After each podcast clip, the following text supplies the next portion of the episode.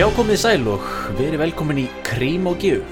Andri Jónsson er ég. Komið sæl, Ólafur Hersi Arnaldsson Herðu, við erum ættir hérna á nýju ári eftir uh, dágott jólafrí í Já. podcast. Já, mikið rétt Það er mitt, uh, já, svona aðal ástæðan fyrir því Það var svolítið, svolítið törn náttúrulega í, í kirkjunni núna um jólin Þannig að Já, þess vegna var þetta hendaði vel að taka aðeins jólafrí frá þessu náttúrulega há annað tíð hjá síranum. Mikið rétt Það þarf að messa eitthvað og svona nákvæmlega. Eh, Við vorum hérna, við vorum hérna í síðasta þætti fyrir, um, já, komin alveg slatt nokkra viku síðan sem við vorum hérna að tala um miðaldinnar. Já, og um, já og, og fyrir þá hlustendur sem er að koma hér nýjir að hlaðvarpinu þá er nú rétt að segja það að uh, Krimógia er, er uh, hlaðvarp um, um, um sagfræði og sögu. Og, uh, og í dag ætlum við að halda áfram því. Það er nú, það er nú svo leys að já að- það er nú svo leys að þetta hefur nú verið svolítið svona, svona ó, óreglulegt hjá okkur svolítið hvernig við hefum verið að taka upp þess að þetta já, og við vorum að tala um það, við ætlum að reyna að svona hafa svona aðeins meiri reglu á þessu hvenar við tökum upp og, og hvenar, hvenar þátturinn kemur út. Svona þó er ekki nema bara til þess að hafa hlustendur eh, sína tillit sem við hlustendur. Jú, jú. Það er tu- tugir þúsunda tugir þúsunda hlustenda sem býð eftir þættinum hver, í hverju viku. Þannig að það er um að gera. Nó, En við ætlum að reyna að koma út Við ætlum að reyna að koma út með þáttin uh, aðra hverju viku. Og þátturinn mun koma út svona fyrir miðja viku Já, þá getum við líka sagt svona, nú- veist, ekki það fyrir þá sem hafa hlustað, það uh, þema hjá okkur hverju sinni er líka alltaf svona daldið vítt og svona, en uh, við ætlum með mitt líka að reyna að halda okkur svona alltaf innan ákveðins ramma. En eins og þú ætlar að fara að segja, já, þema í dag. Já, maður í dag, það er skemmtilegt Sko, ég var einmitt að hugsa núna, núna er sérst nýtt ára gangi í Garð 2020 og uh, við kveðjum árið 2019 og það er einmitt á þessu tímabili fyrir 100 árum síðan 1919 og 20 sem að átti sér stað ykkur svona já, örgulega eitt sá mest mótandi atbyrður sem að átti eftir að skilja eftir sem mjög djúpspor í sögu, sögu heimsins.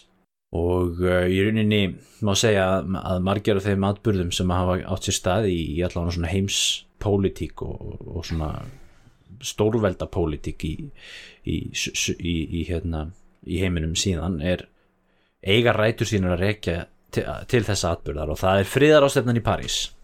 Já, það var einmitt núna í fyrra það var mikið svona mikið rástefnum og, og, og fyrirlesturum og, og, útgáfum í, svona tilefni af því afmæli svo, og oft er.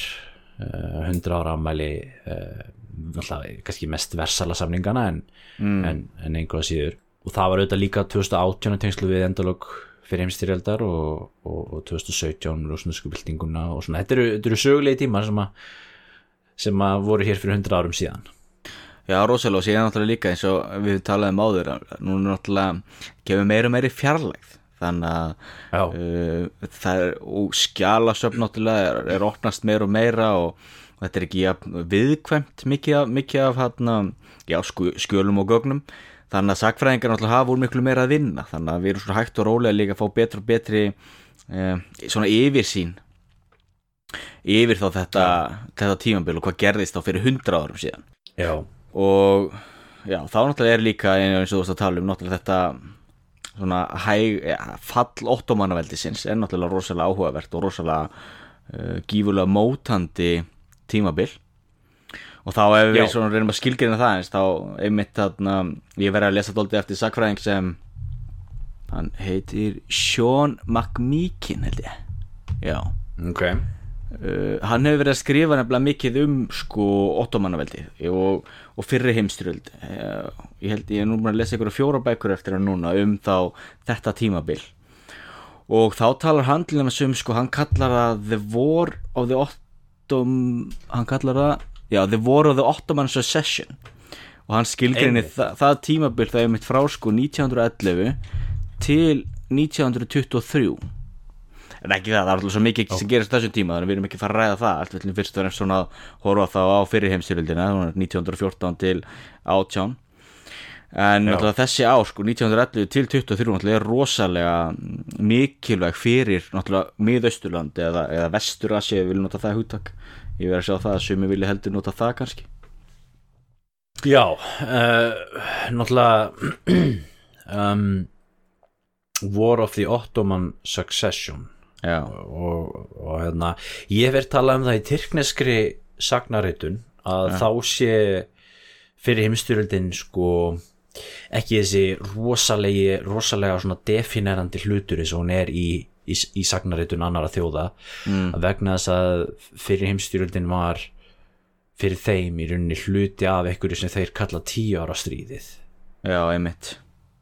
Sem er þá, þú veist ba Balkans, Balkanstríðin. Já, það er stríðið við Ítalíu hérna 1911 það sem þið mistu Líbíu. Já, og svo var Balkanstríðin það sem þið mistu uh, Búlgaríu og Grekland og Serbíu. Neða hluta Serbíu. Og Albani já Albaníu. Og svo náttúrulega sjálfstæðisstríðin um, eftir eftir um, uh, friðarástöndin í París. En kannski til þess að við setjum aðeins svona sögusvið fyrir það sem við ætlum að tala um hérna fyrir hlustendur. Það sé bara eitt að skjóta einn að, endanlegu friðarsamningur við Tyrki er ekki gerðið fyrir 1923 já, en það setur það líka svolítið í, í hérna, stærra samhengi já, já. Þannig að fyrir heimfjöldin endar ekkert í Tyrklandi nei, 1918 nei, nei, nei, nei. Og, og þannig má segja þú veist að valla þetta sem hún byrji líka sko 1914 og kannski byrja frekar Nákvæmlega. þá. Já, hérna með, með hérna já, nei við hérna það er upplausn Ottomansveldisins sem við ætlum að sem við höfum verið að spá í svolítið. Og það er náttúrulega hluti að þú veist miklu stærri mynd auðvitað eins og við vorum að tala um náttúrulega það er þessi stríð og svona en, en svo upplausn Ottomanveldisins sem, að, sem er náttúrulega hluti af uh, já þessum breytingum sem eiga sér stað eftir fyrir heimstyrjöldin í Evrópu það sem þessi gömlu um, keisaraveldi er að falla já, og leysast upp. Og svona ný heimsmynd byggist upp.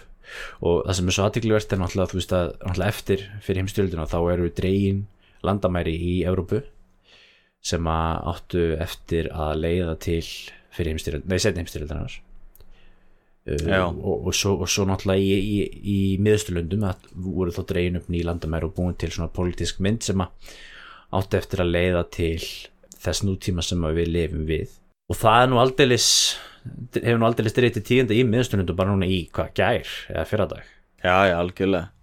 Og líka, já, upp á síkast eins og bara það er ekki tilvíðun að Tyrkir núna allt í henni ætla eitthvað að reyna að senda herlið til Líbíu til dæmis veist, það er náttúrulega, þú veist, þessi sögulu bönd skipta líka máli og maður má náttúrulega alls ekki heldur sko vanmetta þau að því þó maður finnist það kannski fáralt að hugsa til þess, já, þú veist, það er yfir hundrað ár síðan Tyrkirni voru hraktir út úr Líbíu en það er samt sko, menn grípa í hvað sem er sko til þess að réttlega valdsitt eins og bara þegar að frakkar taka í Sýrland á eftir fyrrastrið, þá voru þeir til þess að benda á sko krossfæriðnar og, og nota þær sér réttlætingu sko, það verður þá frönsk saga og áhrif sem hefur þá rætur sko að langt áttu til miðalda. Þú veist sem alltaf bara afleitt en þú veist menn grípa til. Já bara það sem þið geta gripið til. Ná, nákvæmlega, já.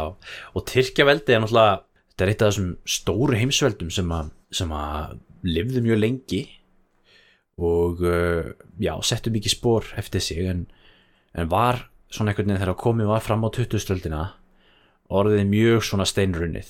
Já, og hérna, og það er svo aðteglivert einhvern veginn hvernig, þú veist friðarástefnan í París kemur og þarna, kemur Wilson uh, Woodrow Wilson bandaríkjafósitið þarna inn sem sko og, og bandaríkin skilur sem nýr spilari inn á sviðið og setja bara nýjar leikreglur sko. Já, bara draga bara nýtt bara kort. Og þessi gömlu steinrunnu veldi sem einhvern veginn höfðu verið haldið uppi svolítið af þessu gamla kerfi, evróska kerfi. Þú veist, eins og, eins og Tyrkjaveldi og Ungverland var, þú veist þegar á 19. öld orðið steinrunnið sko. Og, og, og, og var, þú veist, eins og brettar og frakkar studd alltaf, þú veist, studd alltaf vildu ottomaveldið, þú veist, væri sko heldi, heldi vatni sko, til þess að halda í sko, þú veist, valda jafnvægið í Evrópu og svona sko. Já, já, algjörlega og mér finnst aðteglivert að jafnvel þó að þú segir að menn getur komið svona tilkall hundra árum síðar og svona að þá samt í einhvern veginn sögunni þá er eins og þessi, sérstaklega þessi tvöveldi, Östuríki Ungurland og Ottomanveldið þau eru bara einhvern veginn á einum degi bara afskrifið úr sögunni bara mm. það er annað með Rússland sko sem að sem að þú þekkir náttúrulega þeir mistu líka mikið að löndum og, og þú veist og Rússland gekk í gegnum miklar hérna hremmingar eftir fyrir heimstöldina en þeir voru síðan rússar að vinna voða mikið í því að fá aftur þetta heimsveldi sitt byggja það aftur og þeim tókst það bygg, og byggðu aftur upp heimsveldi sitt eins og það var fyrir, fyrir 1914 Mm. á meðan einhvern veginn sko þú veist uh, Vín og Istanbul bara á einni nóttu bara glemdu sínum uh, alda gömlu heimsveldum Já, það er með það sem er stórmerkilt vegna þess að það, eins og þú segir sko, þessi heimsveldi bara hverf allt í hennu mm. líku við sko, bara einn nótt allt í hennu er bara Austurík Ungverland þetta sko mikla ríki sem var búin að vera uh, oft leiðandi þjóð í Evrópu og hafi grífurlega áhrif og, og búið að vera sko stórveldi í mörg hundru ár allt í hennu voru það bara leist upp og Vín var allt í hennu orðin eitthvað sko ofvaksin risa höfuborg fyrir eitthvað þýst smáríki. Já, og eins síðan náttúrulega Einmitt. með hérna, Istanbul og, hérna, og Osmanska veldið þú veist, þetta er ríki sem tegði sig frá sko, já, Víni í, í, í svona norður-vestri og veist, upp í Krímskaga og all, allt suður sko til hérna Jemens í dag og síðan vestur til Túnis upp á sitt stærsta Já. það er alveg gífurlegt landsvæði og allt í hennu það bara það þurkast út, hverfur. Og upp úr því koma sem fullt af einhverjum já, smáríkjum og, og einhvern veginn allt annað pólitíst uh, hvað kallast það? pólitíst uh, pólitísk sviðsmynd ykkur já, já, það er nefnilega það sem líka sem uh, er svona hlutaði okkur. Mér finnst einmitt þessi saga óttumannveld sem vera svo áhugaverð. Að það er þetta sko. En síðan er líka vegna þess að þessa döðategur uh, osmanska ríkisins eru líka svo langar eins og við vorum að tala um veist, frá 1911 til 23 þá er þetta svona þá er verið að ganga mellir bóls og höfuðs, höfuðsaðum einmitt. Og hérna og svo eru náttúrulega þessi landamæri sem eru dreinandi í miðusturlöndum sem að einhvern veginn átt eftir að landamærna milli Sýrlands og Íraks og, og Transjordan og Palestínu og sem að einhvern veginn við uh, já, þekkjum allt og vel uh, nú í dag. Já, og hafa En mikið til umræðu svona á okkar líftíma. Algjörlega og síðan kemur líka neitt og það er líka svo já, alltaf svo gaman líka svona hjásögu að þarna því að tala um Woodrow Wilson að bandaríkin uppálega þeir fengur nefnilega mandate yfir sko Tyrklandi. Ymmit, já. En uh, þeir afþökkuðu það. Já, við getum komið aðeins aftur að því og eftir. Já. En Við ræðum aðeins betur hérna, um nákvæmlega ottomaveldið En hérna, ef við, ef við, ef við tökum aðeins spólum aðeins tilbaka. Mm og hérna og þú hefur sagt mér það að þú hefur uh, stúdara Wilson svolítið. Nei ekki? Já, ég, ég verið að lesa aðeins um hann, já. Hann er mjög merkilegu karakter. Hann er svolítið, svona einstakur bandarækjafósiti í rauninni mörg, mörguleiti Hann er það og svo líka svo áhvert líka við hann að það er svo mikil mikil sko ah, hvað hef að kalla eitthvað skonar mýta í kringum hann Ok, Þú veist, hann er að því sko sannleikurinn sá að Woodrow Wilson er náttúrulega málaður rosalega í, í mjög jákvæðu ljósi sem þessi sko mikli hvað ég segja svona þessi sko hugssjónamaður sem reynir að koma þarna á einhverjum nýjum hugmyndum þar sem að þjóðirnir eiga sjálfar að fá, fá ákveða sjálfar að setja sjálfsákvörðin réttur þjóða og, og líðræði og frelsi og slíkt sko mm -hmm. meðan að sko bakgrunnur hans náttúrulega er demokrati úr söðrinu í rétt. þannig að hann var sko þú kemst ekki tjá því hann var mikil kynþáttahattari. Uppáhaldsmyndin hans var til dæmis Birth of a Nation og Já, það, er mynd, það er mynd sem ég mæli með allir eftir hendur að horfa á vegna þess að hún hefur bara svo mikið sögult gildi. Hún sé 1900 og uh, er hún 1912 held ég og hún er alveg löng, þrýr tíma, þrýr og hálfur en það er sko Ku Klux Klan klanið sko eru góðu gæðinir í myndinni. Og þetta til dæmis var mynd sem hann síndi létt sína í kvítahúsinu og horfða á.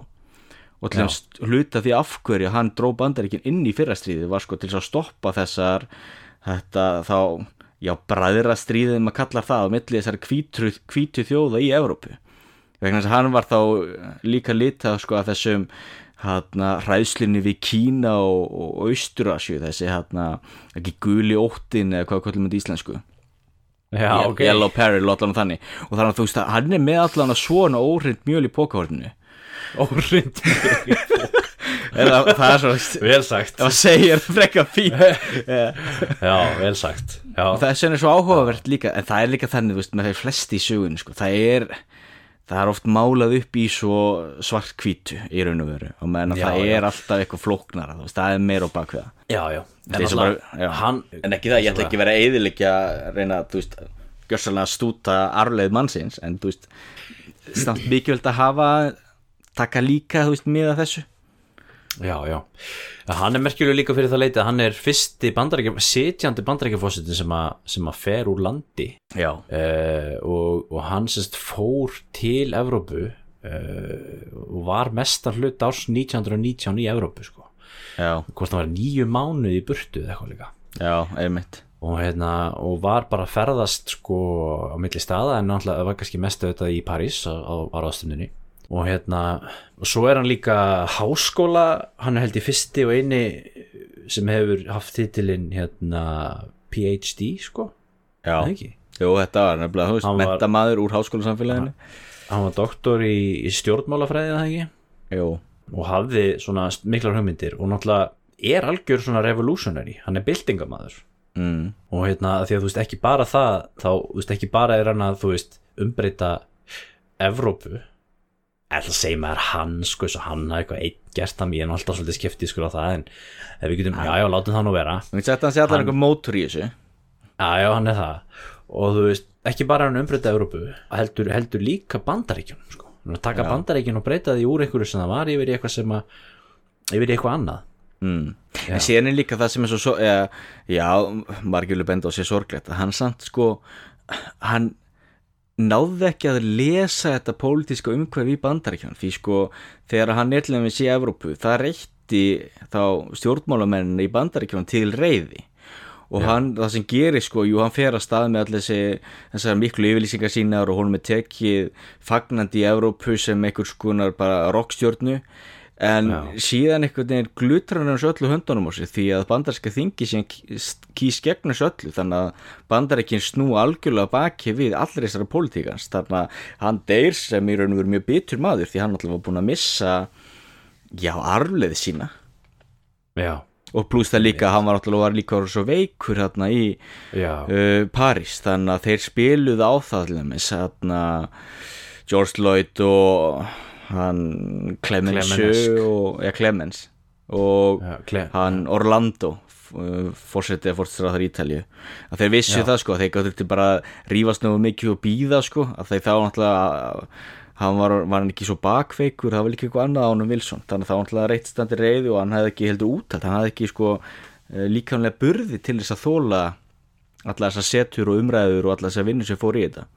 Þannig að það er líka sorglegt sko eðilega mikið fyrir honum Já, ég, frétt, ég las það að hann hefði þegar var orðin svona mjög veikur undir lokina þá hefði vist þá var, var því haldið lindu sko. Já, í sjúkdóminum hans sko.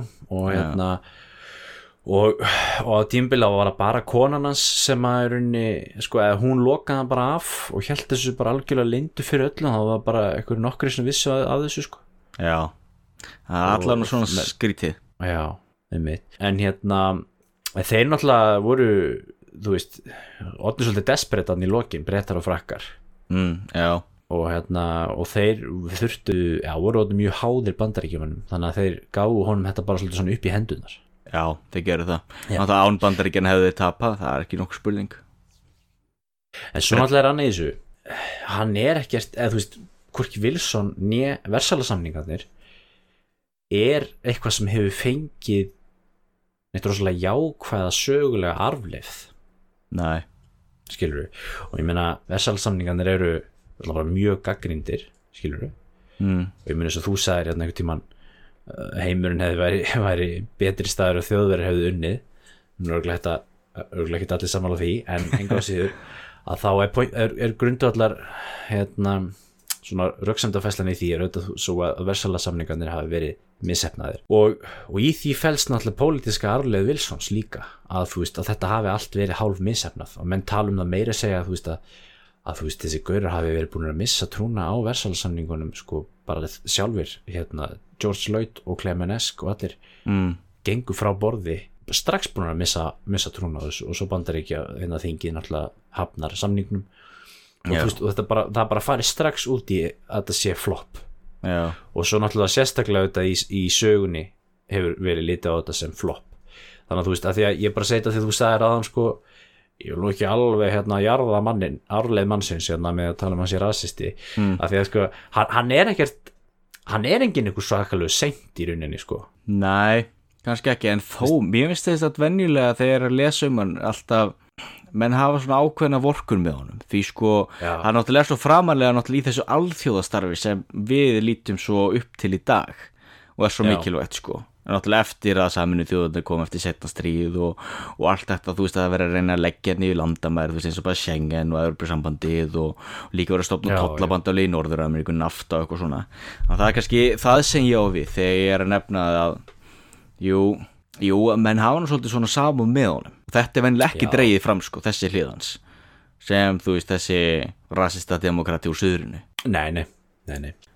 En svo við kannski Hann- snúum okkur aftur að ottomununum Já, einmitt, Ottoman hérna Ottomanveldi, þeir koma inn í stríðið, já, bara strax 1914 mm ekki nóvumber held ég. Já, já, það er svo seint, já.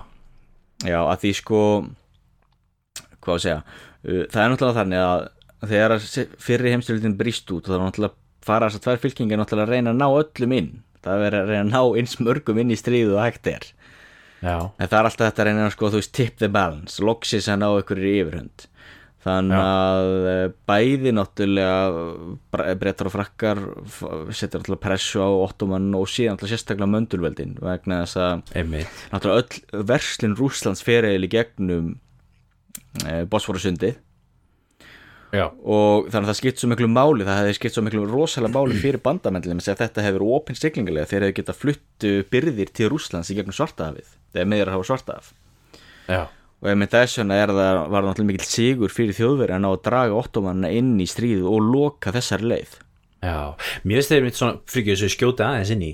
Já, Hérna, mér er oft, oft fundið svo skrítið hvernig, sko, rússar gátu sætt sér við það að Tyrkir færi inn í NATO á sín tíma já, meðal annars út af þessu, ég bara er það alveg merkilegt að þeir hafi, að þeir hafi hérna, látið það, að látið það komast upp með það sko. Já, En já. algjörlega. Að því, það, að það, því þetta er saga auðvitað þessi með, með, með sundin sko sem að náttúrulega kemur um, rússar, þú veist það er hluta þeirra svona stríðs hérna markmiðum, það eru sundin Já. Bosporusundin. Og svo er það svo, og svo er það hérna, er, er gerð klausa um Bosporusundið eftir fyrir heimstyrjöldina Já, og klausa sem að sem að er aktív framan af 20. öldinni.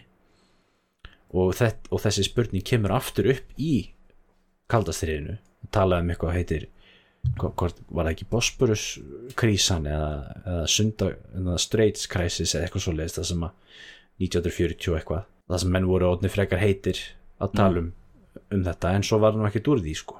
Já, en það er líka sko að því að þessi sagfræðingur sem ég var að tala um hann Sean McMeekin hann Já. er mitt uh, skrifaði líka bók sem heitir uh, The Russian Origins of the First World War þar sem hann uh, kennir fyrst og fremst Rússlandi um að fyrir heimstöldin hafa brotist út og þá einmitt Já. talar hann um það og er þá að líta í skjöl þar sem einmitt er verið að ræða um þetta sundið sko uh, en það var þetta alveg líkil atriði og fyrir rússa að ná Konstantinopel sem þeir myndi þó að nefnast uh, Tsargrad.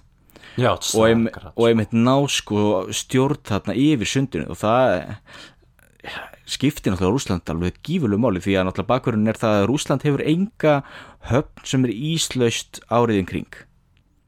Það er vandamálið.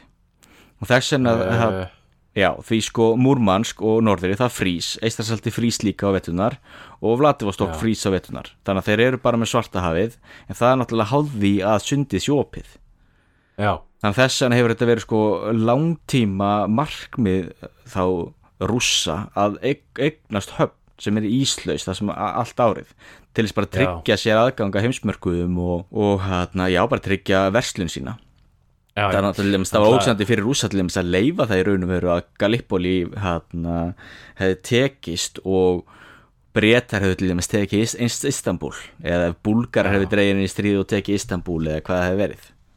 Já, já.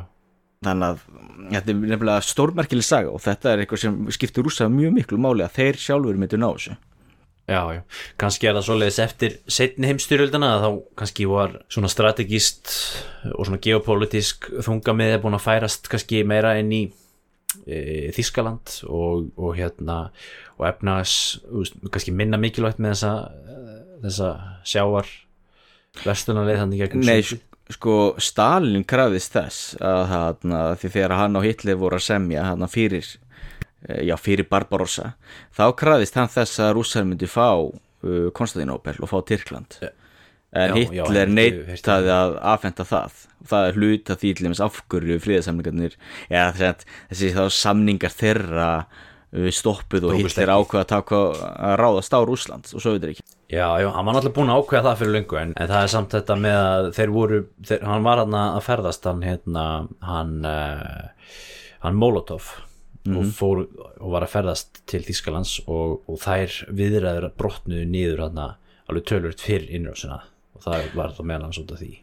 Já, já, algjörlega, en það er náttúrulega vegna þess að Adolf Hitler náttúrulega leitt svo að þegar var of kröfuharðir að fá Tyrkland. Já, Fyrir með Mussolini leitt svo á sko á sínum tíma að Sovjetiríkin væri bara komin inn í Öxulveldin. Þetta, þeir væri bara saman þessi þrjú ríki já, já. En, nú eru það er málið. en það er allavega þá undirstrykja bara- hversu mikilvæg sundið er sko, þess vegna er líka saga ottomannaveldið svo rosalega mikilvæg. Algjörlega, en getur ekki verið líka álöfur að, að, að um, um sagt, ísfría höfn sko, þegar þeir eru konni með Póland sko, og Östu Þískaland að þá er þetta kannski orðið minna mikilvægt. Það getur frosið þar líka en þetta er náttúrulega hluti af hverju Rúsland innlimaði Königsberg sem heitir Kaliningrad í dag og er þarna á milli Lettlands og Póllands.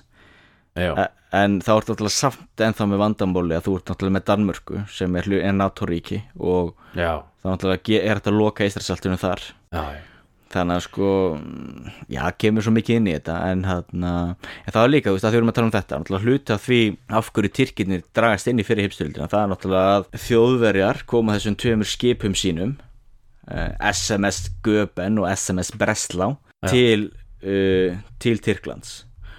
Og mér er alltaf, það er nefnilega mjög áhugaverð saga því það er sko æsi flótt í þessum þessi tveir, ég, ég kalli þetta, er þetta ekki Battlecruiser og SMS Göpen held ég að sé stiplað sem jú Battlecruiser sem ég veit ekki hvað hvað mm. íslensku.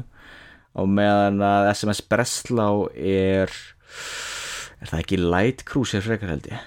En allavega þetta er að voru þá öflug, mjög öflug herskip sem er mitt uh, þjóðverjar þurft að koma undan í fyrra stríði þegar að styrjöld breyst út þá er þeir staðsettin í miðjarhafi við Möldu held ég. Og Já. þeir sigla sko þessi tvö skip uh, frá Möldu og komast alla leið til Tyrklands undan breska flottan já, ok. Sem náttúrulega var mikil neysa náttúrulega ah, fyrir breska flota með alla sína flótastöðvar og þetta flótastórveldi að hafa ekki náð þessum skipum.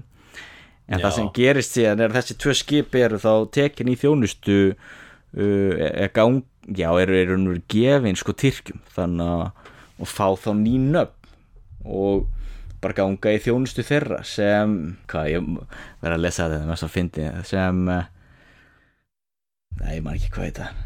jú, Júsaf Sultan Selim það er að vera akkurat. Og hitt held ég var endur nefnt uh, Middili ég náttúrulega kann ekkert í tyrknesku en þetta skiptir líka máli því þetta þýtti þá að Tyrkland var orðið eða O- Osmanska ríkið var orðið öflugara flótaveldi í Svartahafinu heldur rússar. Af Því þið voru með þessi tvö skip? Já, það alveg hana, var til þess þá að rússar hana, gátu ekki ráðist á, á Istanbul yfir Svartahafið og tekið Istanbul Já, Þannig þarna náðu Tyrkir sko yfirhöndin yfir Svartahafinu. Já Svo náttúrulega voru auðvitað hérna var það sagan um þetta skip sem að þeir söfnuði fyrir sjálfur sem Já. að það voru breytar sem smíðu það, var það ekki? Jú, og það var hérna svolítið einstakt atriða sem að veist það sem að tyrkneskur almenningur var að bara var að safna, bara sa, voru samskott bara gangi hús og, og eitthvað sko. Það samskott til þess að safna fyrir einhverju svona svona herskipi. Já, þetta var sko hana, þetta er stimplað held ég sem dreadnought þess að bara úrustu skip Já, Og þetta var skip það sem- er stærsta tegundina Já. af, af hérna orðsskipi og þetta skip var sko, jú, og þetta skip var uppalega byggt fyrir Brasilíu og hétt Já, ok. sko Rio de Janeiro en Brasilia fór síðan eða hausinn og þá keftu ottomennarnir þetta og nefndu að þá Sultan Osman the First já. Já, já, já, en eh, síðan var það að því þeir keftu þetta og síðan keftu þeir eitt annað líka. Þetta var tvö skip sem söfnuðu fyrir og þetta er 1913 og þannig að þegar að uh, fyrir heimstöld brýst út þá eru bæði skipin alveg að vera tilbúin en þá ákvað Winston Churchill sem hann First Lord of the Admiralty þannig að hann var þá veist, toppurinn yfir breska flótanum að taka Já. þessi skip. Já einmitt. Og það náttúrulega reytti ottomannana til reyði en þeir voru samt búin að gera samninga við, við, við e, Þískaland fyrir þetta Já, en líka því að þetta hefði verið svona þú veist svona svona almenningsátak Já, að þá gáttu þau nota þetta sko til þess að peppa upp mannskapin sko, það er nefnilega máli þarna fáðu rosa góða svona ástæðu sko. og þess vegna var það mikil sko, hvað maður segja, guðskjöf fyrir þá að allt í einu byrtast þjóðurir hérna með tvö orðst skip ekki jafn uh, stór og, og mikil. En þó það öflug að það var til þess að Tyrkir réðalögu svartahafinu í, í fyrir einmitt síðan líka eitt, það vissi ég ekki það var voða áhugavert að lesa það. Sko, ég held þá SMS Göben sem var þá endur nefnt sem þetta Júsaf Sultan Selim þetta skip lifði af fyrir heimstyröldina og var sko aðalskip tyrkneska flotans allt til 1950 Já, ok. Og það var, það endaði lífdaga sína 1973 þá voru tyrkirni buð, buðu vesturþískland að kaupa þetta skip. En þetta er sko Fengu síðasta skipið sem hann keisaraveldið hafði byggt. Já, og, þeir, og þá bara þú veist að kaupa það sem sýningagrip en Já. e, þau eru afþökkuðu það. Þannig að það var bara sett í skrapp og tekið í sundur. Það er alveg svolítið sorgleitt það er hversu kúl værið að geta skoða hérna orðskip úr fyrri heimstöld þýst orðskip úr fyrri heimstöld bara sem sapp já, líka bara þú veist sem var notað í, í fi- 50 ár sem tyrknest já, já nákvæmlega, pluss það líka og ótrúlega mikil saga sko. Alveg þvílitt mikil saga. Þannig að það er svolítið leiðilt að það endað svona. Alg, já, algjörlega sko. En hérna ná, en eins og ég segi hérna við vorum að segja, já, þeir voru sko, þeir þurftu svolítið svona móral svona búst fyrir móralin hérna, til þess að þeir voru konur í þetta þetta frekar tilgangslösa stríð. Já, og það er náttúrulega merkilegt líka vegna þess að í Tyrklandi náttúrulega eða í Ottomanveldinu þá náttúrulega var ekki það var ekki þessi hérna þessi spirit of 1914 eins og maður segir sko veist, það var ekki þetta hérna, við sem maður sér í Þískalandi og Fraklandi og Bretlandi og Rússlandi hérna, veist, fjöldi fólks út á götu að, að, að hrópa, skilur af gleði með tárin í augunum yfir því að það sé búið að lýsa við stríði, sko, Nei, 1914 nákvæmlega. eins og, og það var náttúrulega vegna þess að, að í, í nei, í Tyrklandi var náttúrulega ekkert búið að vera eitthvað ára og töga langt friðartímabil eins og í Evrópu heldur var allt að fara í vaskin hjá þeim. Já, já og þetta var bara svona enn eitt stríð. Enn eitt svona já, svona vesen. Já, fjórða stríðið bara á nokkrum árum. Einmitt. Og hérna og hérna og kannski þetta er bara eins og með eins og oft hefur verið talað um fyrir heimstyrjöldina menna þú veist, menn voru ekkert eh, erfitt að fá fólk til þess að eh, eh, þetta er bara svo merkilegt rannsóknar aðeins hvernig þú getur sko hérna bara sannfært fólk um að drepa annað fólk einhvern veginn á þess að sé sko neitt svona sérstök ástæða fyrir því einhvern veginn. Mm. og kannski sérstaklega fyrir Tyrkja því að þú veist, þeir haf, hafa enga sög jú, náttúrulega með rússa þetta en þeir hafa enga, enga sög af því að vera í ykkur sérstöku hérna, ófriðar ástandi við, við breyta sko. Nei, það er náttúrulega rétt. En það náttúrulega kemur inn í þetta náttúrulega þessi reyði og, og náttúrulega bitur því að við erum búin að missa svona mikið já, í já. þá, þú veist, eh, Balkanstríðunum og, og ítalska stríðinu. En síðan er líka sko það er líka voðalega hérna, merkilegur merkileg saga er að tyrkneski herin var gjörsamlega hafður Þýskalandi hvað varðaði leiðsögn. Því sko og eins náttúrulega þessi herskip uh, þýsku herskip sem hérna gengu í þjónustu Tyrklands að allt í einu voru þessir hérna sjóliðar allt í einu orðnir sko tyrkneskir sjóliðar. Því að Tyrkin alltaf höfðu enga burði til þess að hérna sigla þessum skipum. Já, já. þannig að Það var þýsk áhöfn á þeim þá þýskar áhafnir, já. Já, og það er eins sko að þetta eru sko þýskir herstöðingar sem eru yfir uh, ottomanska hernum í raun og veru. Og, og þeir eru alveg háðir þjóðverum um já, alla sko skipulagningu og þeir eru líka háðir náttúrulega hvað var að vopnasendingar. Þannig að sko, maður getur einn sagt að það sem gerist er osmanski herin að miklu leiti verður þá, þú veist, tyrknaskur her sem er stýrt af þýskum officerum. Já, ok. Að því til dæmi sko í orustunum við um Kalipoli að þá er þetta sko Otto von Sanders sem er aðal hersöðingin sem er að stýra vörninni. liðinu. Já. Já, ok. En náttúrulega er ekki það. Við erum líka að hafa huga því náttúrulega hann Kemal Atatürk náttúrulega var mjög hæfileika ríkur herfröningi líka þannig að hann skipti líka já, miklu máli. já, já.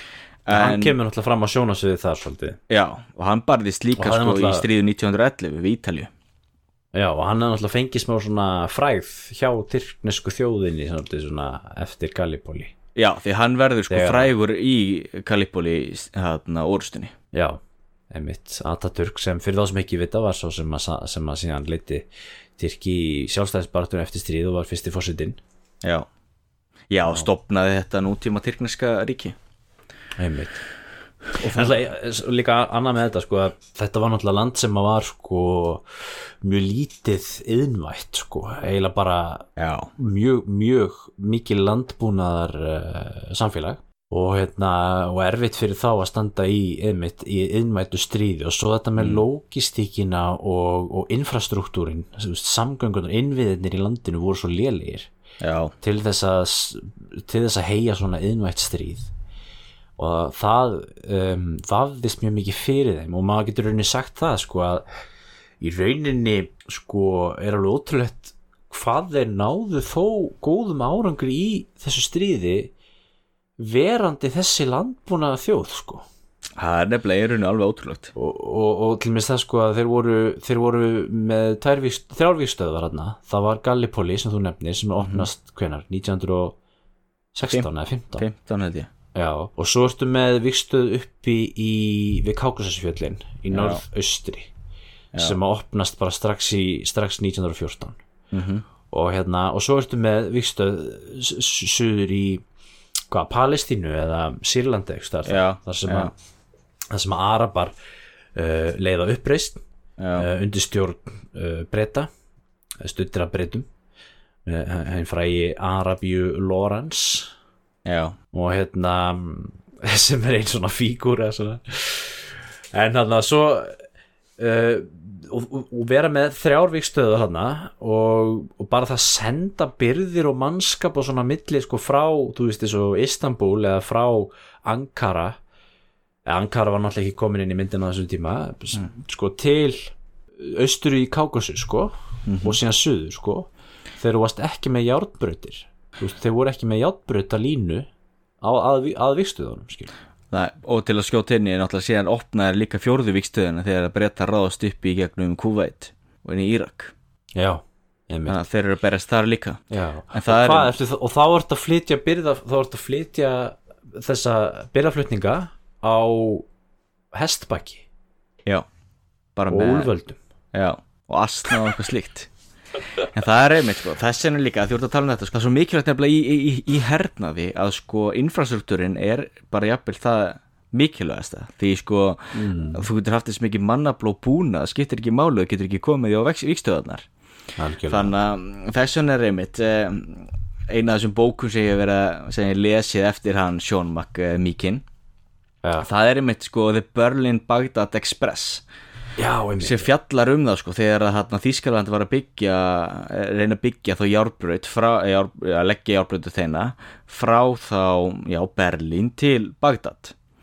En Já. það skiptiði miklu máli fyrir sko ottomanin alltaf þegar Búlgaria gengur inn í stríði því þá er loksins komin sko uh, opnast, uh, opnast Búlgari þannig að það er að fara að flytja byrðir í gegnum Búlgaríu til Tyrkja en Já. síðan er það þannig sko þjóður er, er, að leggja járbreytateina og sérstaklega gegnum Tarsusfjöllin í suður hluta Tyrklands við landamæru við Sýrland.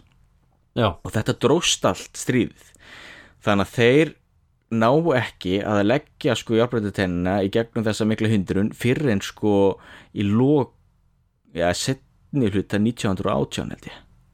Þannig að Já, lestin kemur alltaf seint að því Já, sko mista lestinni. mista lestinni, bókstæli því þetta náttúrulega getur svo miklu mál líka upp á hérna, hernaðabröltið yfir Sínæskaga og árásinn á Súeskurðin því þeir reyndu tvísvara ráðast á Súeskurðin og það mistókst í bæði skiptin. Og Já, svo náttúrulega líka að reyna að halda aftur á brettónum þegar ráðast upp í gegnum Írak. Þannig að sko það er stórmerkileg saga og þetta hefði geta breytt náttúrulega heilmiklu í stríðinu ef þessi lestlimis hefði verið nú þegar tilbúin eða járbreytateinatir og lestinar og allt það 1914 þá hefði þjóður geta flutt meiri búnað og mögulega hefði þá til dæmis tekist að uh, rá, taka yfir súaskurðin eða þá skemma hann það mikið að hann hefði verið virkur í ykkur tíma og það náttúrulega hefði komið mjög illa við breska heimsveldið. Já, já. Sem náttúrulega var mjög háði að geta flutt já, bara vörur og menn og, og allt slíkt þannig að það er sko rosa, rosa saga. Þetta er svona, bæði þessi sund eða sko Bosporusundið einhvern veginn í hægri hendinni og svo hérna súiskurðurinn í vinstri hendinni svona svona þess að vera með svona hálstak á á bandamönnum sko. Já algjörlega En- það er það. En samt einhvern veginn svo veikt sko. Já, einmitt.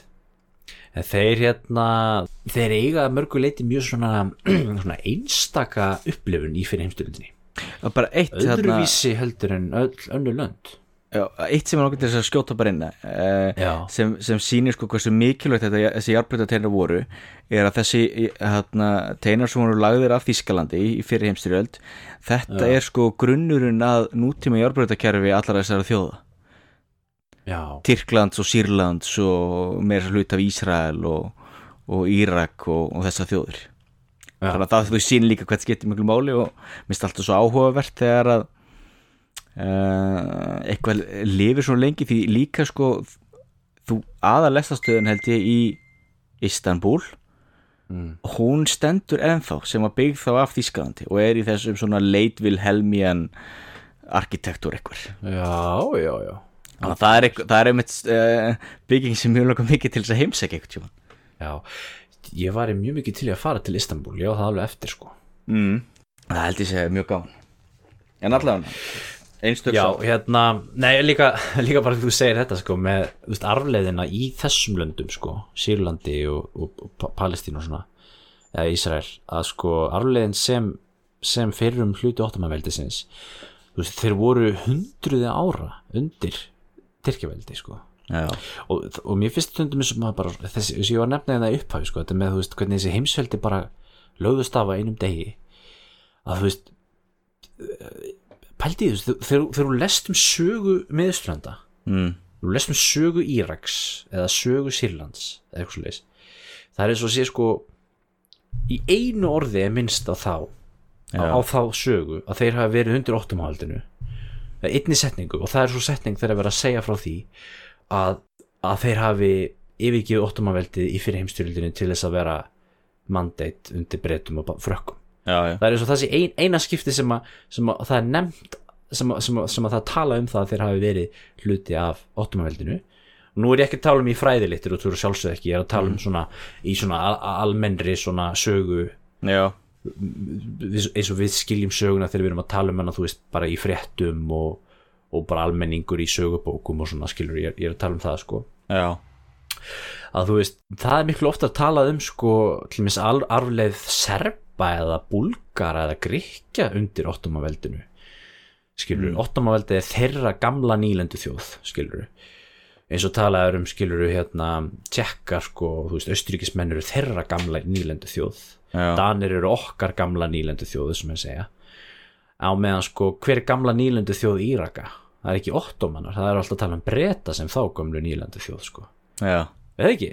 Jú, það er einmitt gert, það er mjög góða punktur hér. og, og, og þau tala um Sýrland og sögu Sýrlands og það er verið að tala um Sýrland hefur verið mikið í fréttum núna síðustu árin Já, og þú veist það er verið að tala um sögu Sýrlands og svona það er að tala um nýlendu arfleiðin og þá er alltaf svo nýlendu arfleið alltaf nýlendu arfleið frakka sko já, þetta er svolítið aðdeglur punktur já það er það sérstaklega vegna þess að svo það eru bara örfáðar áratugir já, ég bara tveið þrjá áttur já, samanborið við mörg hundur árið í Tyrkjum. Það er síðan kemur náttúrulega líka inn í þetta að náttúrulega við verðum líka að minna það sko að soldánin e, í Istanbul, þetta náttúrulega var sko kalífinn, þetta er líka sko andlegu leiðtogi e, hins íslamska heims. Múslima. Já, og hann reyndi þetta í fyrir heimstyrjöldinni að hann listi yfir alþjóðlegu jihad já, hann gerði það. gegn bretum, frökkum og rússum. Já sem er nú Vilhjálmur annar, Þísklandskeisari Já. hann var rosalega heitur fyrir þessu sko. hann sá fyrir sér að, hann var svo heitlaður af Íslam. Að hann var með þess að kalla sko Hatschi Vilhelm. Hatschi er þá sko er það ekki þessi þarna, svona pilgrimsferð vegna þess að hann fór sko og flakkaði eitthvað þarna um miðsturlönd og talaði með jákvæmt um Íslam. Þannig að hann var með voðalega svona einhverja grandiós hugmyndir í fyrra stríði. Já, að Kalifinn já, að Kalifinn myndi veginn sko að æsa upp. honum í ykkur svona. Jú, nákvæmlega, í ykkur búningum. Fyrir ekki. Já, Kalifinn myndi æsa upp hinn íslamska heim og svo myndi ykkur sko rísa græn íslamsk bylgja rísa upp gegn Fraklandi og Breitlandi og myndi Já. styðja Þískaland en það var sko líka rosalega ótti hjá Bretum því Bretland náttúrulega var uh, hvað við segja, stærsta fjölmennasta íslamska þjóðun á þessum tíma. En maður lítið þú veist á breska heimsveldi Já, nákvæmlega. Að Þeir sko- voru náttúrulega með hérna alveg rosalega margar hérna íslenska þjóður undir sínum verndarvæng. Já, þannig að þeir voru mjög hrættir og það var náttúrulega pointið með þessu jihadi Já, snerist um það. En síðan varð aldrei neitt uh, almennilega úr því sko. Nei, það hafði bara engin áhrif. Þú sér það að muslimarnir til missi indveska hernum, þú veist, það var ég held að sé ekki, það er ekki talað um að það hefur verið mikið um svona einhverjar uppreisnir eða liðhlaup eða neitt út af þessu jihad sko, eða hriðverki eða neinu svo leið sko. Nei, það var þannig blekki hérna nei, en sko þetta er líka svo merkilegt þessi, þessi alþjóðlegi bragur yfir þessu stríði sko. Já, og hérna að því að sko bæði þetta tyrkneski herin eða ott- ottomanski herin uh, og breski eða þú veist herin mhm, var náttúrulega mjög alþjóðlegur og sérstaklega þeir sem voru að berjast í þessu Gallipoli kampæni Já. eða í Arabíu þetta voru, voru þetta ekki mest allt hérna, ástralskar og nýsjálenskar sveitir? Jú, já, það var það. Og, og hérna og indverja líka, þeir voru þarna. Já, í annarkvort á öðrum hvorum þessari vikstöða og hérna þá eru ofta komin að þess að ég nefna aðan með sko, þú veist, þetta er svo absúrt sko, hvað hefur indveskur hermaður sko á móti einhverjum, einhverjum kurdískum hermanni í, þú veist, her ósmasa, ó, að ósmaska hernum sko, þetta er já, svona þessi, þessi absúrt hérna hluti, hluti strís er það. Og, og náttúrulega tyrkneski herin líka mjög multi, multi svona national sko. Þú ert með, þú ert með Tyrki og þú ert með Kurda og þú ert með Araba. Mm og þú ert með Allavega einhver þjóðabrót þjóðabrót þarna í Káksusfjöllunum Það er ekki bara sko Aserar og Georgiumin og Armen en þú ert líka með allavega eitthvað annað sko, einhver ættbólka og hitt og þetta. Þannig að þú ert með allavega hana fólk. já, Þú ert með Albani líka og ég veit ekki hvað og já. hvað. En, en, en talandi um þetta þeir voru svolítið í því að uh, framkvæma búferðlaflutninga nöðuga Já, þingaða búferðlaflutninga sem að sem að um, Tyrkir voru svolítið fræði fyrir hérna í stríðinu sem að Stalin áttunum reyndar eftir að sláða út í þeim leik jú, jú. síðar. En, en, en það voru allir það voru margir að stunda einhvers konar svona búferðlaflutninga en í fyrir heimstyrjöldina voru Tyrkir alveg langmestir í þessu, í þessu. Já, og það er þá, þá voru að tala um sérst að flytja þjóðir frá heimkynum sínum um, setja þær á nýja staði til þess að uh, þær muni ekki aðstofa óvinnin uh, í tengslu við innrás. Og það var til dæmis það sem þeir ætlu að gera með armena. Já, armenar voru náttúrulega eru náttúrulega kristnir uh, og þeir búa í austurluta Anatólju mhm. Og þeir voru náttúrulega hættur um það að armenandi myndu hjálpa rússum og, og þá fara þeir að, að sagt, eh, flytja til armena og það endar með, þessi, með þessum skel, skelfilega afleðingum sem sem armenska þjóðamorði var. Já, en það er líka bara sannleikunni sá náttúrulega að armeinarnir voru ekki hliðhóllir Osmanska ríkinu þannig að og ég er ekki að segja það til þess eitthvað að fara réttlega til þjóðumorðu armurum en hann sannleikur náttúrulega er sá að armenskir sjálfstæði sinnar náttúrulega voru búin að sapna mikið á vopnum og armenar mm. voru að býða eftir að rúsneski herin kæmi þannig að þeir hrundi að staði einhverjum uppreysnum og voru náttúrulega vonast til þess að rúsneski heri myndi frelsa þá. Þannig að það er náttúrulega hluta því af hverju ottomanarnir hefna síðan og ganga svona hart fram og flytja þá. En síðan náttúrulega ganga náttúrulega ennþá lengra með þegar þeir byrja náttúrulega þurkað út og nótuðu þá mikið sko hinn og þessi þjóðabrót sem búað þarna í Kákasusfjöllunum sem hann voru þá líka að hefna, hefna þess að áður höfðu þeir verið hræktir út úr rúsneska keisardæminu til dæmis hvort að það voru einhverjir þá múslimar frá Dagestan og þú veist eh, hvað heita þessi héru þarna í Suður Úslandi í dag? Tetsjeni og allt þetta. Að þarna er fullt af einhvern svona smá þjóðum þannig að þess vegna verður sko rosalega mikið náttúrulega hatur og já bara hryllilega stríðsglæpir framtir þarna. Og Tyrkir náttúrulega gera það líka með vilja er en að drepa eins mikið að geta af armönum til þess að takmarka stærð síðan Armeníu líka eftir fyrra stríð þannig að Armeníu allir með segði bara smáríki í dag að meðan sannleikurinn sá að Armenarnir byggu yfir, yfir mikið stærra landsvæði og voru mjög fjölmennari. Og Armen, ef Armeníu hefði verið sko fengið þau landamæri sem hún ætti að fá þá grundvelli hvað að segja, hvar armenska þjóðum bjó í fyrir heimstyrjöld þá náttúrulega væri Armeníu markvælt stærri í dag kannski tvöfald stærri nú nefnir já, já, já, miklu stærri þannig að Þú ekki ennþá armenar í Tyrklandi eða? Ég held að það sé voðalega fáir ég held að það voru allir hræktir út og svo er það þannig að það er ekkert stjórnmálsamband millir Armeni og Tyrklands í dag því að Armenia okay. og Azerbaijan eru uh, í deilum og Aserarnir og Azerbaijan þetta er Tyrklandst fólk þannig að þeir tala skilt mál og það var allir hluti af þá draumum uh, þessa ungu Tyrkja eða Young Turks það var sko að innlim Azerbaijan og samin þess að tyrkneska fólk og hann Envar Pasha til dæmis hann var einn af aðleitónum hann var að dreifum það síðan að halda yfir Kaspíahafið og leggja undir sig miðasjöliðveldin Kazakstan já, og Turkmenistan og búa til svona stór tyrknest ríki. Já, já. og samin að það er svona já, já. Já, en pælti að vera hérna þú veist, á þessum tíma Sick Man of Europe já, já. Er, sko. hérna, með svona drauma einhvern veginn. Þetta er svona eins og eins og, eins og verið eitthvað svona eitthvað so sovjetmenn að dreyma um sko árið 1989 eða eitthvað að fara ekki undir sig eitthvað. Nákvæmlega. En já. Að því séðan er það sko líka þetta lendi þegar lendi náttúrulega saman við þjóðverja. Því sko já, eftir að Rúsland fellur þá er náttúrulega berjast um það að ná Bakú og ólíun í Bakú og Ludendorff sko meira að segja var tilbúin að uh, já bara beita hervaldi gegn Tyrkjum. Og hans gaf sínu hersvettu skipanir um að reyna að ná Bakú þannig að það allir með svo voru þá deilur á millið þá þjóðveri og uh, Ósmanska ríkisins. Býtu uh, hvað meinaru? að því að þegar rúsarni gefast upp þá er náttúrulega að sækja þýskar hersvetir eitthvað fram. Og Ludendorff uh, var að dreyma um það að ná undir sér Bakú til þess að ná ólífin í Kaukasus vegna þess að náttúrulega ólíjan já náttúrulega ólíjan var mjög mikilvæg fyrir heimstyrjöld líka þannig að þessi draumur Hitlers að ná Bakú í setni heimstyrjöldinni þetta er að sama markmið og Þískland hafði í fyrir heimstyrjöld en þá voru sko Tyrkir já. líka að berjast að senda sínur hersveiti fram og reyna að ná Bakú sko undan Þískum hersveiti þó þau þau voru bandamenn að þá voru þjóðverið tilbúin til þess að, já, ég skil. Þegar minni mig að Ludendorff hafi látið sigla með einhverja þýskar hersveitir yfir Svartahafið og lendi í Georgi þannig að sko en þetta sýnir þú veist stórveldi ströymað hinn stegjandi tyrkneska eða ósmanska ríkis og hvað þetta var í raun og veru fáránlegt.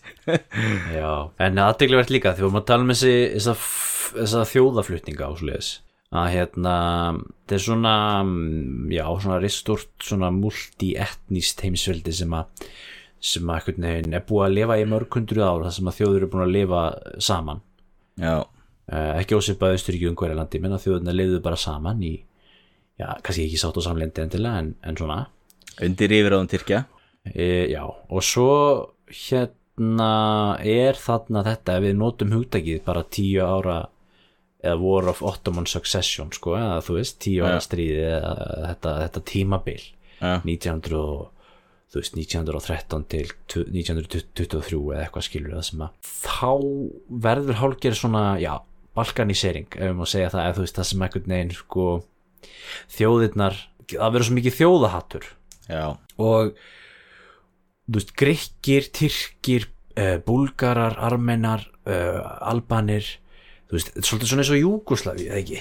Jú, það er sem og það verður, það fer allt í hennan lás sem enda með því að, að því að sko þegar Balkanstríðið er þarna 1913 til 14 eða eitthvað svolítið sem, sem að sérst var stríð það sem að Tyrkir töpuðu Búlgaríu og, og öllu þarna stórum, eh, öllum eigum sínum á Balkanska fyrir utan þarna Östur Þrakíu já, í, fyrr, í fyrra balkanska stríðinu. Já, byrju hvað var setna þá?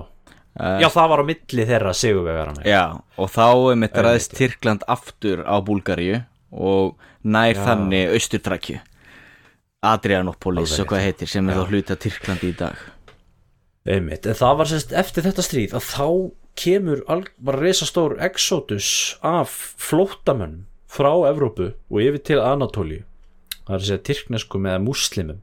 Já, og, hérna, og þeir voru reyndar oft með eins og, eins og er að þeir veist, menn sem voru múslimar þeir voru bara kallaði tyrkir.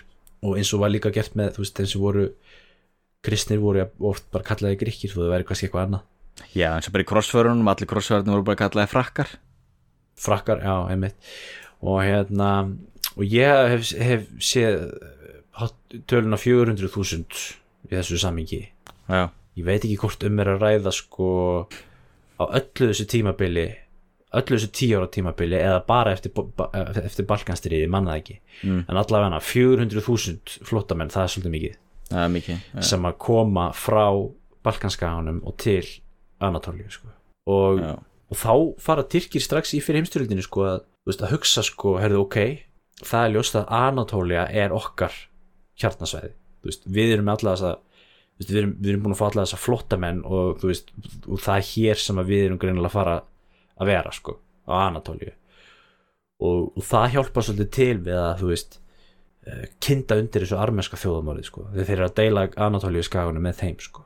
Já, já, því að svo gerist það náttúrulega í stríðinu við Grikki eftir, eftir eh, fyrir heimstyrjöldina að hérna hluti af, af, af endanlegum friðarsamningi sem að Tyrki gerðu við, við Grikki og, og bandamenn var að, að hérna, Grikkir voru sendir yfir til Gríklands og, og Tyrkir í Gríklandi voru sendir þú veist, aftur til, til Tyrklands. Þannig að þetta er svona já, er þetta ekki svolítið svona, svona þjóðernis já, hva, hvað ég segja, svona balkanisering algjörlega það sem gerist því það náttúrulega það sem gleymist alltaf þegar við erum að tala um þessi hérna fjölmenningaríki að þetta náttúrulega Já. voru fjölmenningaríki þar sem var ein menning sem drottnaði gjörsanlega yfir öllum hinum. Þannig að það var aldrei neitt vafi til dæmis í Austuríki Ungverlandi að það var þíska sem, og það voru þjóðverði sem réðu. Og svo bara eftir því sem það veikist að þá voru ungverjarnir dregnir inn allir króatar áttu aldrei neitt sjens og það er eins með ottoman það var aldrei neitt vafi að það voru tyrki sér réðu þannig að til dæmis uh, arabarnir, þeir voru aldrei sérstaklega hrifnir af þessu osmanska ríkjöfu því að þeir náttúrulega höfðu sína sögu sem heimsveldi og, og voru náttúrulega undir tyrkjónum og það sem að gerist Já, þá náttúrulega þegar ottomana veldi veikist að það náttúrulega bara blossar upp svona undirliggjandi og kraumandi hatur sem búið að vera í mörg hundur ár því náttúrulega tyrkirnir já, já. voru náttúrulega berja öllum sem þjóðum. Að það, það sem Já, þurfti maður að til þess samt að ekki halda- gleyma því líka að þetta er, á, þetta er líka ný hugmyndafræði um þjóðurnisíkjan á 19. öld.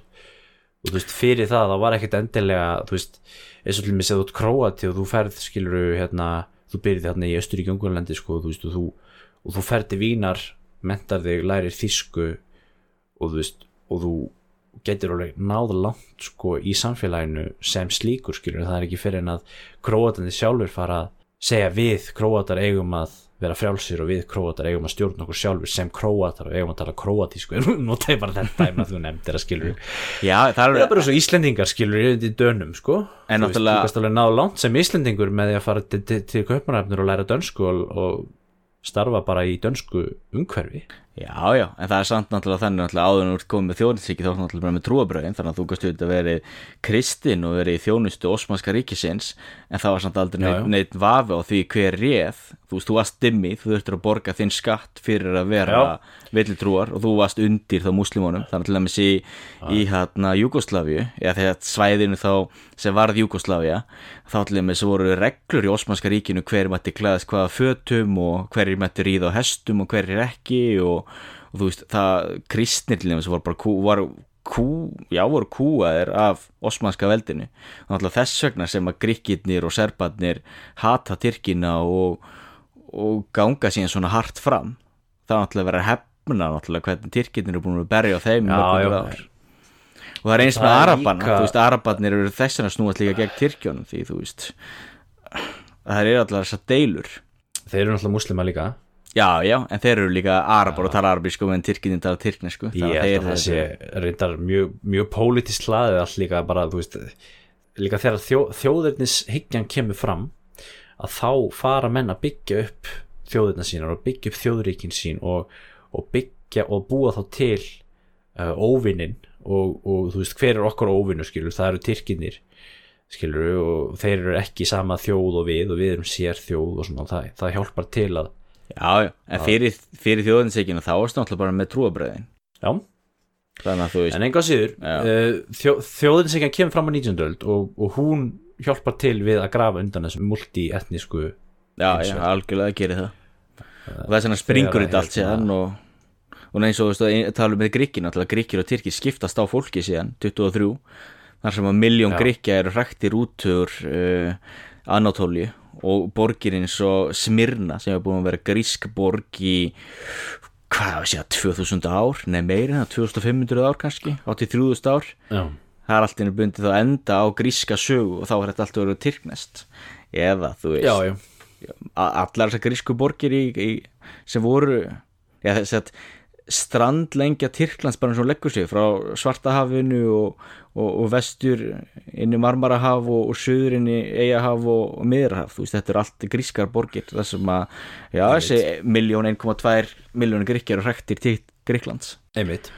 Og það er ástæð fyrir því að það gerist þarna en ekki árið 1453 eða árið 1700 eða eitthvað skilur það er þarna sem, sem allt er orðið sem allt er útblásið í hatri og þjóðurembingi að þá er þetta ekki bara með trúar trúar hérna anstæður heldur líka þjóðurnis anstæður Já, vegna þess að það er náttúrulega líka sannleikurinn er bara svo að þjóðinni er svo, hvað segja, djúvill sterkur grunnur til þess að byggja ríki á þú veist, eh, hún er, mjög, hún er það. svona, svona nútíma ríki þar sem er svona mikil Algjörlega. afskipti eins, eins og bara sést, þú veist, eftir því sem ríki verður sko meira litað af fjölmenningu þá dregst úr allavega svona til dæmis trösti og það dregur úr uh, sjálfbóðavinnu og það dregur úr náttúrulega trösti til ríkisins þið vilji til að borga skatta og slíkt.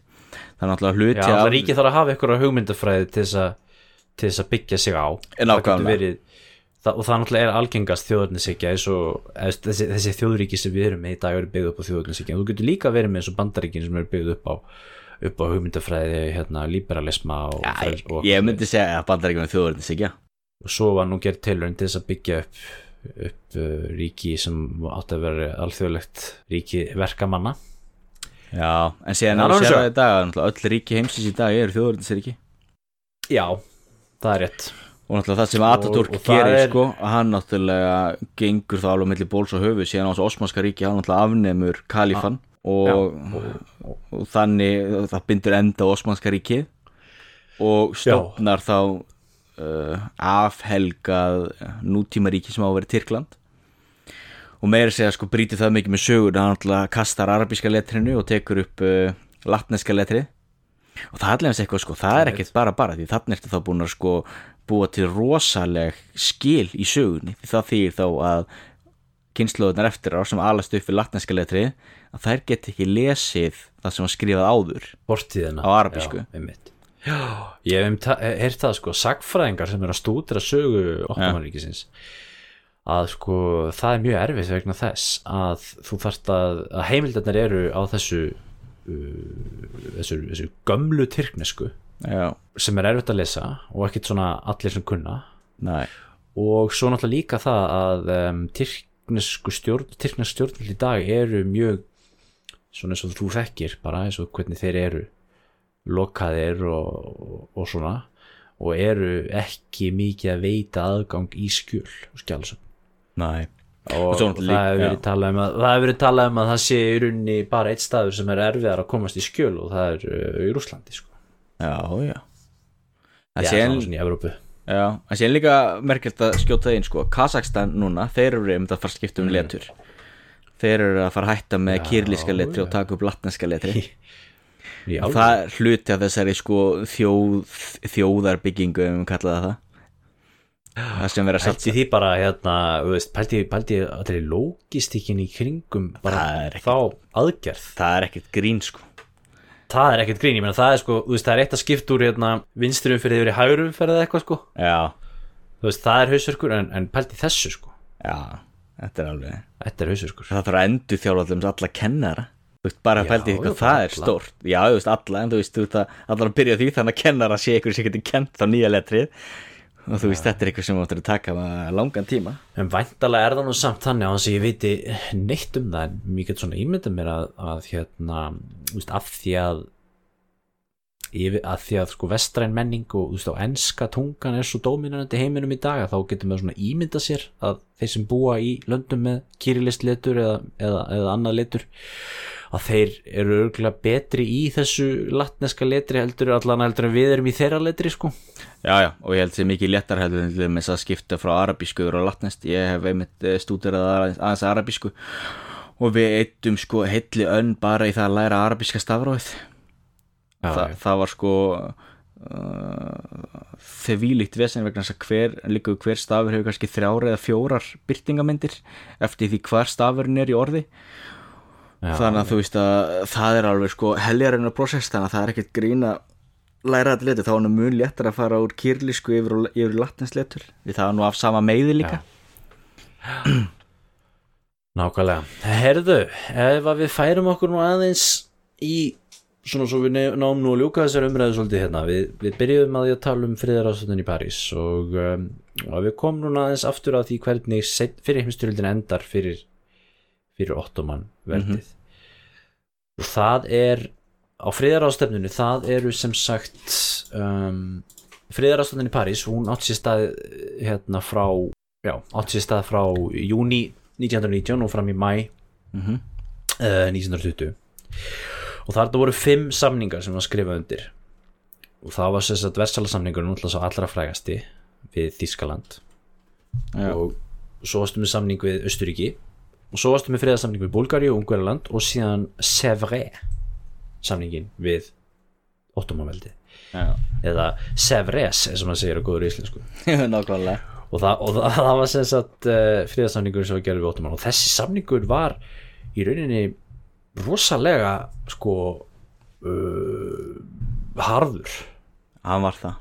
Ef þú skoða samningin þá er hann sko í rauninni harðari heldur en versalasamningur sko. Já, markveld og, og, já, og hérna og, og hann var náttúrulega svona hendarsamningur og refsisamningur eins og versalasamningurinn en hann var líka svolítið svona kolónial í eðli sínu sko. Já, svona svo. nýlendu hyggja í honum af því að sko öðruvís heldur en heldur en var gert við Östuríki og, og Þískaland að þá settu vesturveldin þarna er rauninni Tyrkland upp sem svona svona semi-nýlendu sko eins og þú voru með gagvart þessum um, stóru gamlu uh, orientalísku löndum eins og Kína og, Indland og svona sko. Já, að því að þeir settu sig yfir ríkistjórnina í um, því sem eftir var af Ottomanríkinu. Þeir lögðu ekki niður Ottomanríkið. Soldánin satt en þá og hérna og það var klausa um það til dæmis að, að því að þeir settu Konstantinopel undir alþjóðlega stjórn. Og það var klausa um það að vesturveldin gætu eða bandamenn gætu sko rekið soldánin úr Konstantinopel bara eh, ef þið vildu sko. Og, og alls konar aðri hlutir sem að og svo var annar samningur sem að var skrifað undir svona, svona til hliðar við, við þarna CFR samningin mm. sem að var ekki sem sagt uh, hluti af aðala samningur menn var svona ekstra samningur sem að, sem að sagt, hafði fyrir með sér uh, efnagslega skiptingu landsins upp í svona hvað maður að segja svona arðráns svæði já, já, svona sem enn eins og Evropamenn voru vanir í, í Kína og annar staðar sko. Já, já. það sem var bara ja, suður hlutin var hérna átt að vera svona arðránsvæði svæði fyrir Ítali og norður hlutin fyrir Frakka eða hvernig sem það var nú Já, já, algjörlega og þessi samningur Þannig er rauninu verða miklu verri samningur en vessararsamningur margvært verði því hann alltaf gekk alveg millir bóls og höfus og Tyrkjum.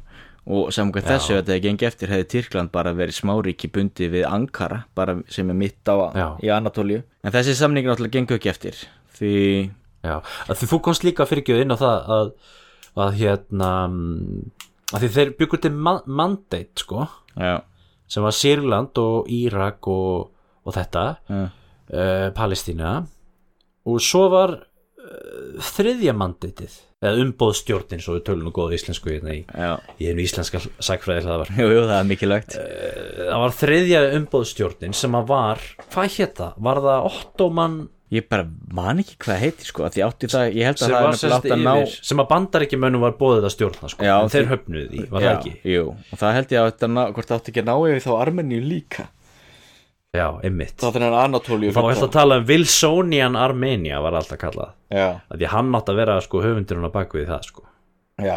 Einmitt. En síðan alltaf það sem gerist er síðan að þarna bandamenn hafi ekki bólmagt til þess að berja gegn þennan samning við Severus. Því sko hann hann George Lloyd, fórsýstur á þeirra Bretlands var mjög heitur í trúni og var mjög upptekinn af því sko að rekja Tyrkina og var mjög hérna, mikil andstæðingu Tyrkja. Hann ætla að hluta því af hverju hann gekk svona hart fram í að þurka það út. En það sem gerist náttúrulega eftir að búið að sigra Þískaland þá náttúrulega er ekki vilji fyrir því í Bretlandi að halda úti meira hernaðarbröldi þannig að brettar eru að leysa upp herin eiginlega bara strax. Þannig að brettar hafi ekki mannabla í miðausturlundum til þess að berja gegn samningin og þeir verða þá háðir gríkjum og ætla að nota gríki Ítalarnir verða reyðir vegna þess að þeim varst ekki að fengi nóg mikið og frakkarnir eru líka reyðir þeim varst ekki að fengi nóg mikið. Þannig að þeir draga sér til hljés þannig að það veltur það á gríkjum að berja gegn samningin og Tyrkirni taka sko Smirnu eða sem í dag heiti Ísmir og þeir séðan ofmetnast og sækja inn í An- Anatóli og ætla að taka Ankara og þannig uh, þvinga Kemal Atatürk til, til samninga. En djúft inn í Anatóliu þá tekst Tyrkjum að sigra gríska herin og þeir síðan hrekja þennan her allalega aftur til Smirnu og taka Smirnu og brenna og drepa alla kristna sem ná, ná í, fyrst og reynst á armenar og, og gríkir Já, þannig að þess vegna brotna þessi samningur saman. Og þess vegna endanum er skrifað þá undir þennan Lausann samning 1923 þar sem að Tyrkland þá Já. vinnur öll þessi ríki eða allt þetta svæði aftur og verður þá þetta já, mikið stærra sjálfstæði ríki. Og þá náttúrulega þess að gríkinu höfðu þá ekki bólmakt til þess að leggja undir sig uh, vesturströnd nútíma Tyrklands sem gríkinu náttúrulega vildu sem voru grískar borgir því gríkinu voru með þessa megalia hugmynd sína þeir vildu endurvekja þetta bísansríki eins og sem við höfum talaði um áður. Þannig að þeir vildu ná aftur gömlu Konstantinopel og, og endurvekja svona stór gríst ríki. Já, já allar, allar uh, góðar þjóðir eiga sér svona stórveldiströma og þetta ekki þjóða með þjóða? Þetta ekki við stórveldistreima Nefnum þú eigir, eigir þeir hérna Wikipedia grein um, sem heitir Stór bandstrykk nafnið á landinu þínu. Já, það er á hana hérna, já þetta er mjög aðteglivert og hérna og þarna voru og þarna var skrifuð saga sem að bara sem að, sem að sko sem að hefur allar þessar afleiðingar í dag sem við vorum inn á. Þú veist allir þessi, allir þessi þú veist bara þegar kemur að Ísrael og þú veist já, já. stofnun Ísraels ríkis og þú veist og, og Írak og, og, og allt það. Og svo erum við þetta með líka mikla sögu í Tyrklandi sjálf þú veist, þú veist með armenna, þú veist með hrið, armenska hriðverkamenn mm. á 8. áratögnum og náttúrulega sjálfsögðu kurdar og þú veist kurdíski hérna PKK og, og, allt það sem þeir hafa verið með. Og það er nú hérna, ég var að hlusta á uh, já, það var maður sem uh, uh, hérna, sagfræðingur sem heitir Erik Jan Zurcher sem að um, tala um það sko að tala um Sevres syndróm sem er eitthvað sem hefur einkent um, uh, svolítið svona tyrknænska þjóðarsál já, á 20 stöld. Þeim professor held ég í mið, miðusturlandafræðu með eitthvað svo liðs í hollenskur. Já, og hérna sem er þá í rauninni fjallar um, veist, sjálf, um það að sko, sjálfstæði Tyrklands hafi verið sko, næstu því horfið á þessum tíma. Mm, og, og þess vegna eru Tyrkir alltaf svo hrættir við að missa sjálfstæði sitt sko, gagvart, þú veist, og þessi ótti við Vesturlund, skilur, ótti við hérna eh, bandamenni svo þarna, skilur, og það kemur fram í kaldastriðinu uh, og, og, og, og, og, og núna á 21. öld sko. Og hérna hvernig, hvernig til mis með þetta alls konar sögu í Tyrklandi þú varst með herfóringastjórn og þú varst með mm, uh, og svo þessar kurdísku við sem þessar kurda sko og Já. afnötun á, á armenska þjóðumörðinu og, og þetta er svona, þetta er svona eitthvað svona, svona óttum það að stjórnvöldin séu með svona eitthvað svona samsæri við innlenda hópa gegn Tyrklandi sko. og svo kemur náttúrulega líka inn í þetta þessi hérna íslamska arfleif sem er rosalega Já, erfið því náttúrulega hvað við segja, stefna Ataturks og það sem hann laði grunnina, það er náttúrulega það er búið að brjóta það niður í dag. Þannig að Tyrkland er ekki lengur sko jafn litað af hans hugmyndum og er ekki jafn uh, afhelgað eins og var og er núna að færast í áttin að verða Íslamstríki undir honum Erdogan. Erdogan? Já, einmitt. Og við sjáum náttúrulega líka þá Tyrkland í dag núna sem er farið að hana, nikla vöðvana og veist, grípa hans inn í Sýrland og fara inn í Líbíu og Já, já. vera að spila voðalega mikið á sko þessa íslömsku arleifð og svona pan-íslamisma. Og náttúrulega líka veist vegna þess að þeir náttúrulega hafa svo hana, mikla og gamla sögu á öllu þessu svæði. Algjörlega. Þannig að það verður mjög áhört að sjá sko hvað gerist með Tyrkland núna á næstunni næstu áratví en, en sér alltaf stóra vandamáli náttúrulega kurdarnir er að verða bráðum hérna uh, í jafn margir Tyrkjónum og það er hluta því af hverju það er svo mikill óstöðuleiki núna því kurdarnir er eignast fleiri börn en Tyrkirnir. Tyrkjónum er að fækka og kurdarnum er að fjölga. Þannig að eftir, það, þannig eftir eitthvað svona 20 ár þá munir kurdarnir geta sendið jafn marga unga menn uh, á vígvöllin og. Tyrkirnir.